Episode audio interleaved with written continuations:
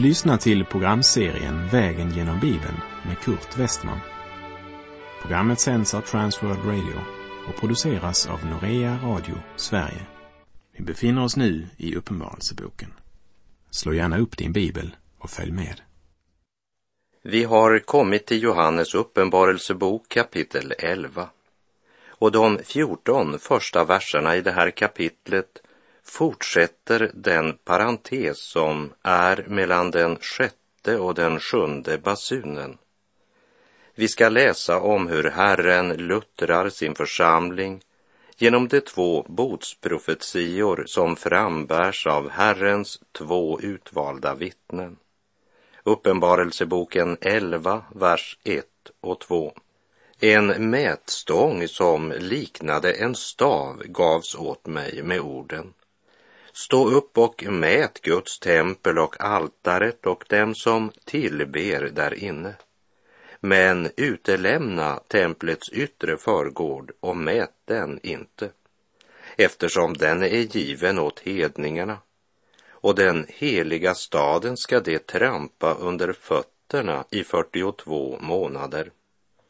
Johannes befinner sig vid tempelbyggnaden och han får order att mäta tre ting. Templet, altaret och dem som tillber där inne. Men förgården den ska han däremot inte mäta eftersom den är given åt hedningarna, åt dessa som trampar den heliga staden under fötterna utan att på något sätt pressa bilden eller påstå att det är tydningen av det Johannes ser och hör, så vill jag be dig lägga märke till det tredje Johannes skulle mäta, nämligen det som tillber där inne. Det vill säga det som tillber där Gud har lovat möta sitt folk. Det talar om ordets och bönens folk, det heligas gemenskap. Templet var ju platsen i vilken Gud bodde. Och i det nya förbundet säger Paulus i Första Korinterbrevet 3, vers 16. Vet ni inte att ni är ett Guds tempel och att Guds ande bor i er? Om Guds ande bor i oss är vi en Guds boning. Vi tillhör inte längre oss själva vi tillhör Gud. Och i Första Korinterbrevet 6, vers 19 och 20 så skriver Paulus. Eller vet ni inte att er kropp är ett tempel åt den helige Ande som bor i er och som ni har fått av Gud och att ni inte tillhör er själva. Ni har blivit köpta och priset är betalt, så förhärliga då Gud i er kropp och i det sammanhanget så står ju förgården som en bild på den del av den synliga församlingen som består av kyrkor, samfund och organisationer som endast tillhör Herren till det yttre. Och David Hedegård säger hedningarna är Guds församlings fiender och deras förtrampande av den heliga staden talar om den stora förföljelsen mot Guds folk i ändens tid, den sista och största martyrtiden. En stor del av det som gällt för att vara Guds församling ska gå under i denna förföljelse. Ty där finns ingen kraft att lida för Herren.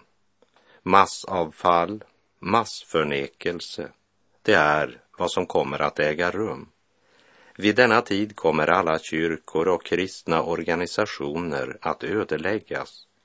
Men det finns något som inte kan ödeläggas. Det som Herren genom sin ande verkat i människosjälarna. Det ska han bevara också genom denna nödens och förföljelsens tid. Mätningen av dem som tillber där inne vittnar om det säger Hedegård.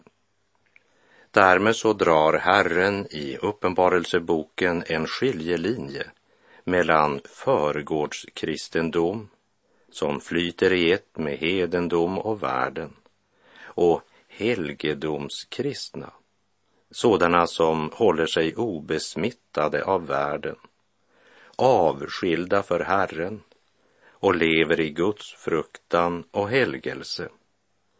Och vem som är vem ska vi nog akta oss för att försöka avgöra. Mätstången mottar Johannes från Herren. Hans gudomliga blick bedömer var och en i gudomlig, fullkomlig visdom och rättfärdighet.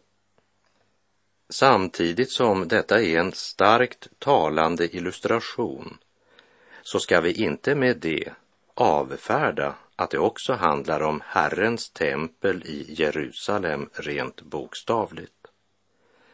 Jag är fullt medveten om att när Johannes ser denna syn på Patmos så är det mellan 20 och 30 år sedan Jerusalem blev ödelagt och templet är fullständigt jämnat med marken. Men mycket talar för att templet ska återuppbyggas igen.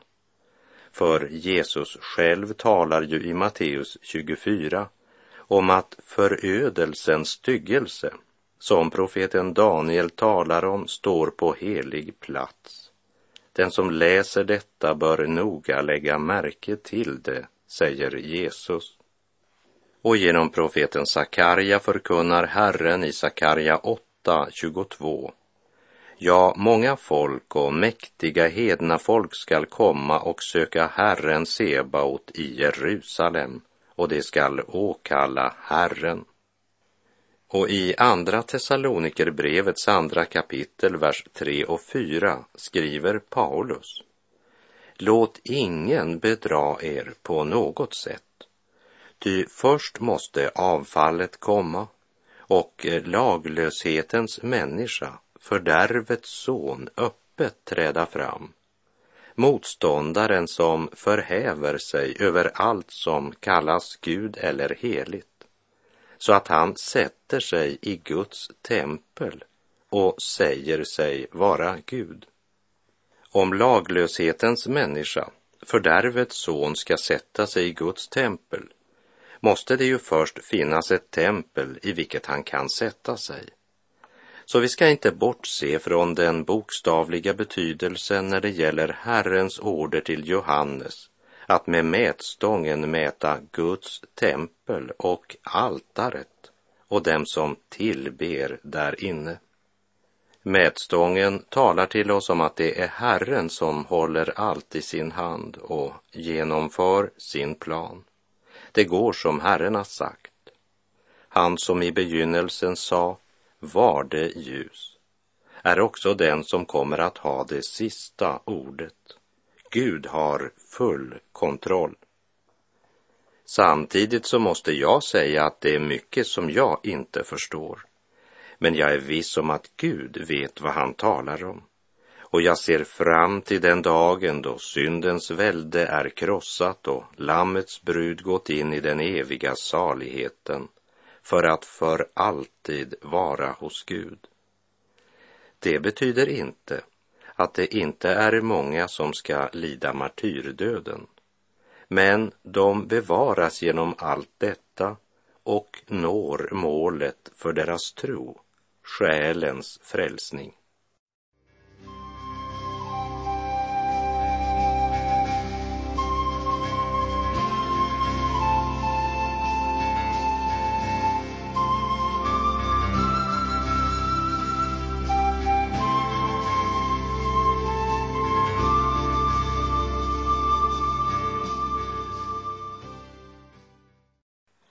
Av vers 2 förstår vi att det kommer en tid då hedningarna, det ogudaktiga, ska kunna härja närmast obegränsat med Guds församling och trampa helgedomen under sina fötter. Men också den tiden är begränsad, fastsatt av Gud som har full kontroll också när Satan och världen härjar som värst. När Gud drar slutsträck är det slut med förtrampandet av Guds folk och av allt som är heligt. Vi läser Uppenbarelseboken 11, vers 3. Och jag ska befalla mina två vittnen att profetera under 1260 dagar klädda i säcktyg. Herren introducerar här två vittnen utan att ge oss någon närmare redogörelse för vem de är. Och hade det varit viktigt för förståelsen av Johannes uppenbarelsebok att veta vem de är, så hade nog Gud identifierat dem. Jag vet att många spekulerat på vem de är och det har getts många olika förslag. Men jag nöjer mig med att återge det som Johannes fick höra. Jag ska befalla mina två vittnen att profetera under 1260 dagar, klädda i säcktyg. Dessa är de två olivträden och de två ljusstakarna som står inför jordens Herre. Det jag finner högst intressant det är att inte ens under den antikristliga ändetiden ska vittnesbördet om Gud tystna. Likt han i det gamla förbundet sände sina profeter och i det nya förbundet sina vittnen, så ska vittnesbördet om Gud fortfarande ljuda. Och dessa ord står som en gudomlig uppmuntran för alla sanna Guds barn som är förföljda, jagade och kringspridda och som nu endast kan mötas i hemlighet så som många troende redan nu har det i många länder. Men här så är det situationen för alla Guds barn som håller fast vid Guds ords sanning. Och mitt i denna mörka tid ska det träda fram två benådade förkunnare. Oljeträd och ljusstake vittnar om att dessa två ska bära frukt för Herren och vara redskap genom vilka Herren ännu kastar en strimma av ljus i vår mörka värld. Men antikrist som bringat många namnkristna på fall och förfört många klarar inte att leda dessa två till andligt avfall. Därför ser han ingen annan möjlighet att få sin vilja än att döda dem. Vi läser Uppenbarelseboken 11, vers 5 till och med 7. Om någon vill skada dem kommer eld ur deras mun och förtär deras fiender. Ja, om någon vill skada dem måste han dödas på det sättet. De har makt att stänga himlen så att det inte regnar under de dagar de profeterar. De har makt att förvandla vatten till blod och att slå jorden med alla slags plågor så ofta de vill. Och när de har fullgjort sitt vittnesbörd skall vilddjuret som kommer upp från avgrunden strida mot dem och besegra och döda dem. Vi lägger märke till att dessa två vittnen inte dödas av vilddjuret förrän deras uppdrag är fullgjort. Kanske var det dessa ord han hade läst, mannen som uttalade följande påstående. En Jesu Kristi stridsman är odödlig tills hans uppdrag är fullgjort. Det farligaste för ett Guds barn, det är inte att behöva lida för bekännelsen av Kristus eller att ge sitt liv för sin tro. Men det som är farligt, det är att låta bekvämligheten segra och att svika Herren och därmed ge upp och inte fullföra uppdraget. Att ha ord om sig att leva men vara död är det farligaste av allt. Att vara förgårdskristen och inte helgedomskristen.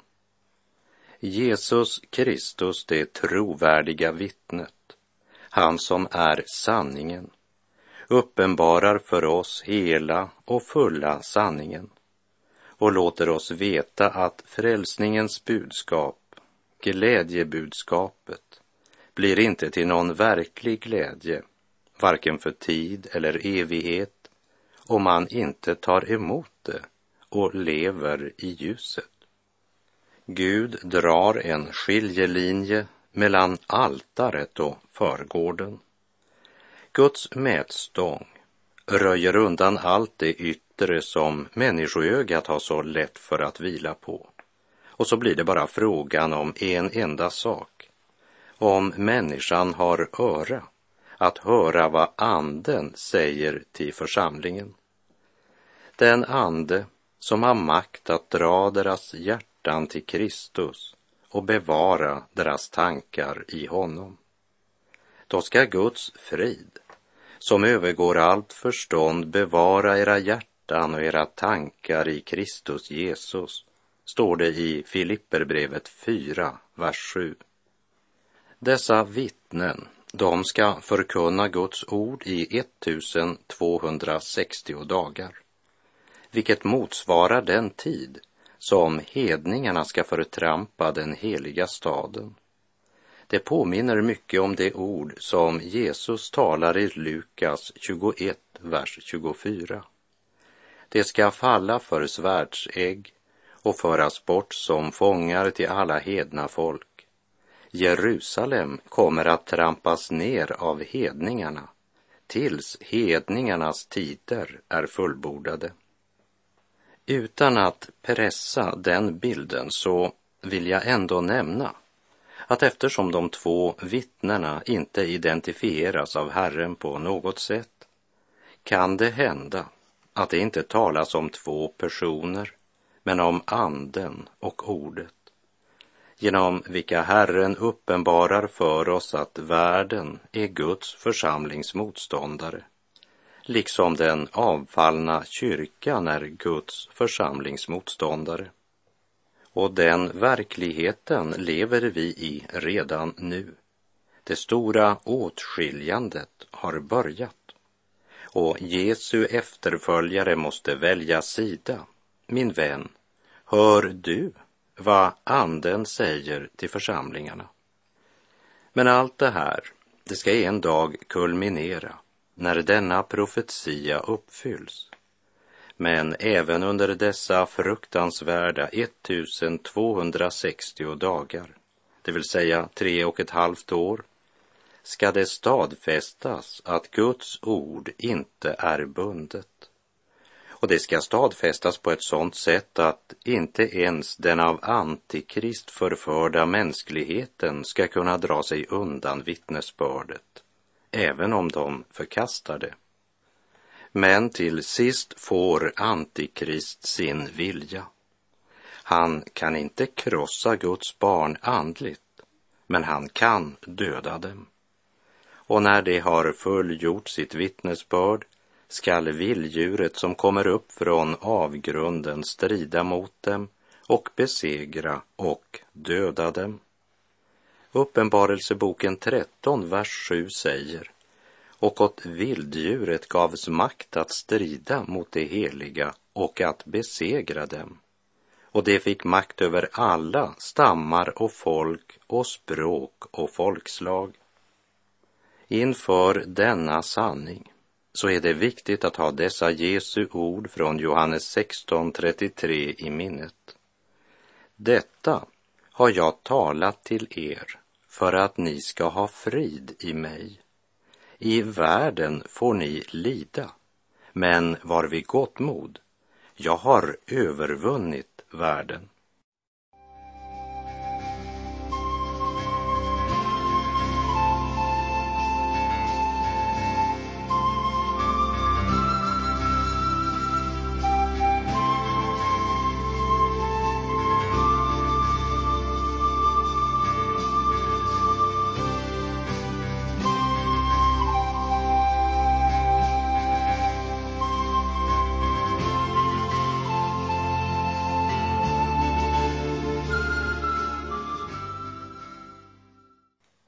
Läser Uppenbarelseboken 11, verserna 7 till och med 20.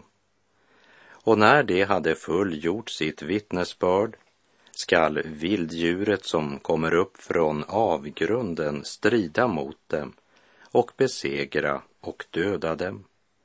Deras döda kroppar kommer att bli liggande på gatan i den stora stad som andligt talat kallas Sodom och Egypten. Den stad där deras herre också blev korsfäst. Människor av olika folk och stammar och språk och folkslag ser deras döda kroppar i tre och en halv dagar. Och det tillåter inte att kropparna läggs i någon grav. Och jordens invånare gläder sig över dem och jublar och skickar gåvor till varandra. Ty dessa båda profeter har plågat dem som bor på jorden. Vid tidens ände så ska Jerusalem åter bli mittpunkten för Jesu fiender, precis som det var när Jesus korsfästes. Och världens alla ogudaktiga, de känner sig lättade när de får höra i radio och se på tv att vittnesbördet om Jesus har tystats. Äntligen har man gjort sig av med Gud och med Guds församling. Evangeliet om Jesus, sanningens budskap, har upplevts som en plåga för syndens människa och för den avfallna kyrkan. Nu gläder man sig och jublar och skickar gåvor till varandra. Vi läser vers 11 och 12. Men efter de tre och en halv dagarna kom livsande från Gud in i dem och det stod upp och det som såg dem blev skräckslagna. Och det hörde en stark röst från himlen säga till dem, kom hit upp. Och det steg upp till himlen i ett moln och deras fiender såg dem. Innan vi går vidare så vill jag säga några ord om Jesus som uppstod på tredje dag. För det är många som undrar hur vi kan säga att Jesus var tre dagar i gravens mörker. För från fredag eftermiddag till söndag morgon, det blir ju bara ett och ett halvt dygn. Och svaret, det är detta, att judarna, de firar inte påsk över en vanlig helg eller sabbat. Men den judiska påsken firas på en bestämd dato den fjortonde i månaden Nisan. Så påsken den kan för judarna infalla på olika dagar, ungefär som julafton för oss. Julafton, det kan ju vara en torsdag, en måndag eller en lördag och så vidare. Så Jesus, han är verkligen tre dagar och tre nätter i graven. Och till detta kommer ett halvt dygn då han pinas till döds en tid, tider och en halv tid. Och samma under som Gud gjorde på påskmorgonen ska han göra på nytt med de två vittnena som Antikrist och det ogudliga har dödat. Och liksom lärjungarna bevittnade Jesu himmelsfärd ska de två vittnenas himmelsfärd denna gång vara synlig för alla. När Jesus hade ropat det är fullbordat och sedan gav upp andan så står det i Matteus 27, 51. Och se, då brast förlåten i templet i två delar, uppifrån och ända ner. Jorden skakade och klipporna rämnade och gravarna öppnades. Och lägg nu noga märke till vad vi läser i Uppenbarelseboken 11, verserna 11 till och med 13. Men efter de tre och en halv dagarna kom livsande från Gud in i dem och det stod upp och de som såg dem blev skräckslagna. Och de hörde en stark röst från himlen säga till dem, kom hit upp. Och de steg upp till himlen i ett moln och deras fiender såg dem. I samma stund blev det en stor jordbävning och en tiondel av staden störtade samman.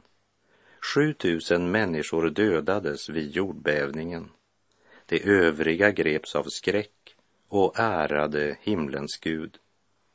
Efter tre och en halv dag då fiendens triumf över Guds vittnen såg ut att vara fullständig och allt hopp verkade ute, förvandlas deras skymf till uppståndelsens triumf. Och inför en totalt överraskad mänsklighet lyfts upp till Gud i ett moln medan människorna hör en stark röst från himlen säga kom hit upp. Och inte nog med det. Det blev en stor jordbävning där en tiondel av husen störtar samman och kostar 7000 människor livet. Och när så många omkommer och man tvingas inse att det är Gud som handlar så försöker de ödmjuka sig inför Gud. Men ett ögonblicks skräck är inte detsamma som hjärtats omvändelse. Men de vågar inte annat än ära Gud under de rådande omständigheter. Men för någon ska det säkert också leda till sann omvändelse och tro. Vi vet i alla fall att Herren, helt in i Antikrist tid, låter vittnesbördet ljuda. Vi ska ha klart för oss att Antikrist representerar den världsordning som härstammar från avgrundens brunn, där det egna jaget sitter i högsätet och egoismen är drivkraften. David Hedegård säger Antikrist rike är ju ett världsrike. Det första och det enda verkliga världsriket i vår släkts historia. Detta rike får givetvis en huvudstad. Om det blir någon av nutidens städer eller en ny stad vet vi inte. Men vi vet att det är ett rike vars människor ser Guds sanna vittnen som en olidlig plåga. Alla kyrkor och kristna organisationer är avskaffade vid denna tid. Endast Sjökokyrkan är offentligt godkänd. Och Uppenbarelseboken 11.14 säger det andra veropet är över. Se, det tredje kommer snart. Och med det så är vår tid ute för den här gången. Herren vare med dig, må hans välsignelse vila över dig. Håll fast det du har, så att ingen tar din krona. Var inte rädd för det du kommer att få lida. Se, djävulen ska kasta några av er i fängelse för att ni ska sättas på prov. Var trogen intill döden, så ska jag ge dig livets krona, säger Herren. Gud är god.